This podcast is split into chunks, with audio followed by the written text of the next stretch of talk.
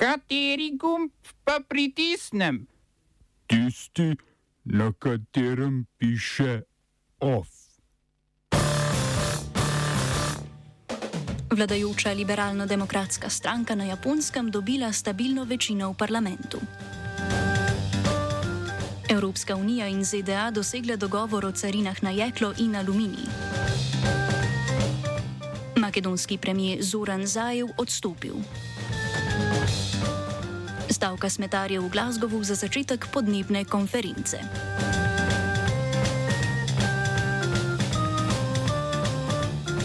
Na parlamentarnih volitvah na Japonskem, kjer so volili predstavnike v spodnji dom parlamenta, je absolutno večino sedežev dobila vladajoča liberalno-demokratska stranka premijeja Fumija Kišide s koalicijskim partnerjem Komeito.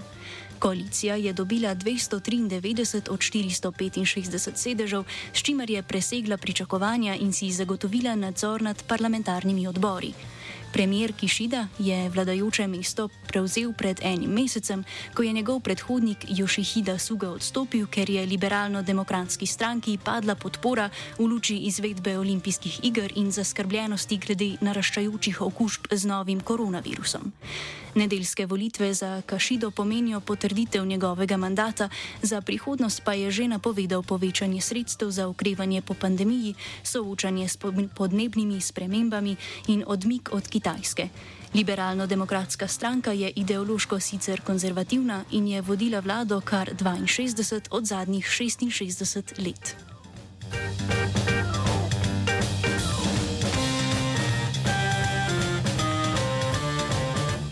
Od volilnih zmag k porazom. Makedonski premier Zoran Zajev je odstopil z položaja, potem ko je njegova stranka socialdemokratov na drugem krogu lokalnih volitev dobila manj kot 20 občin od 80. Zajev je odstopil tudi z položaja predsednika stranke in napovedal podporo novemu voditelju socialdemokratov, ki bi nadaljeval z vodenjem vlade, zato po njegovem mnenju predčasne volitve niso potrebne. Opozicijska desno-sredinska demokratska stranka za makedonsko narodno enotnost je na nedeljskih lokalnih volitvah slavila v najmanj polovici občin. Podpornica opozicijske stranke VMRO DPMNE, sicer neodvisna kandidatka Daniela Arsovska, je s približno 56 odstotki glasov dobila župansko mesto v Skopju, kar je bil načeloma glavni razlog za premijejev odstop.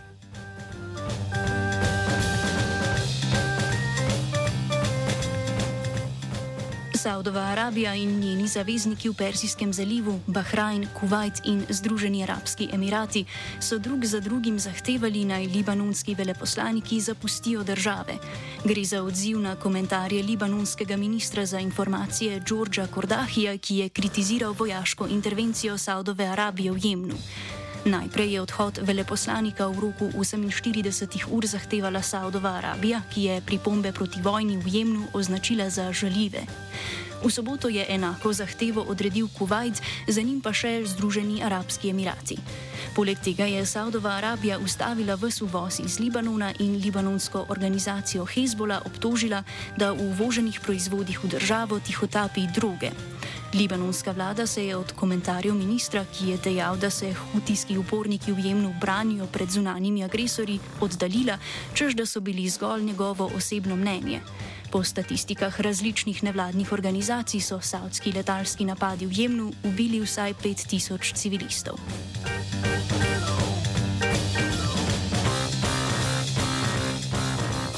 Pakistanska vlada je sklenila premirje z na papirju prepovedano skrajno desno stranko Tehrek i Labaik, krajše TLP, in s tem končala nasilne desetdnevne proteste.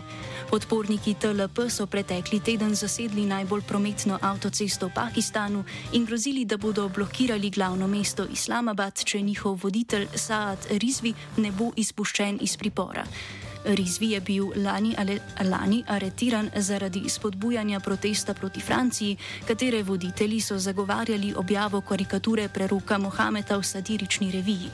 Zaradi tega TLP zahteva tudi izgon francoskega veleposlanika v Pakistanu. Vlada je sicer v petek napovedala, da bo neizprosna do oboroženih protestnikov, ki so ubili več ljudi, podrobnosti sprejetega dogovora pa namerava objaviti v naslednjih tednih.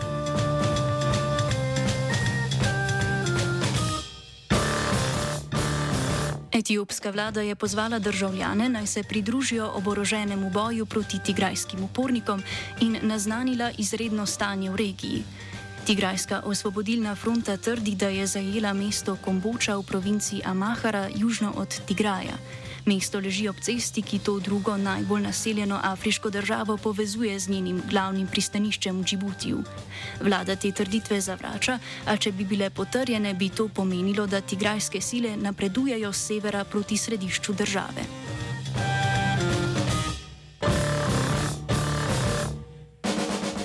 Evropska unija in Združene države Amerike so dosegle dogovor v sporu glede carin na jeklo in aluminij, ki jih je leta 2018 uvedel nekdani ameriški predsednik Donald Trump.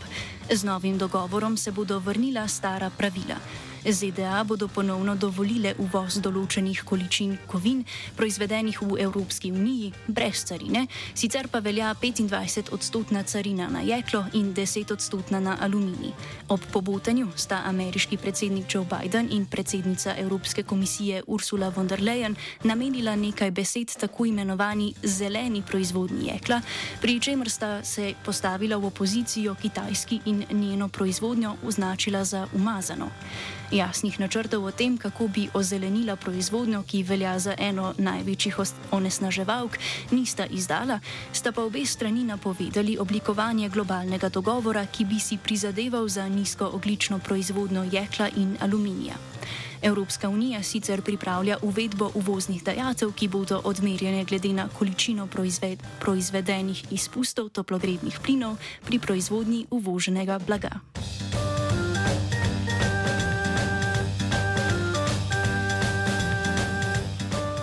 Tudi pri globalnih dogodkih lokalna problematika ni za odmet.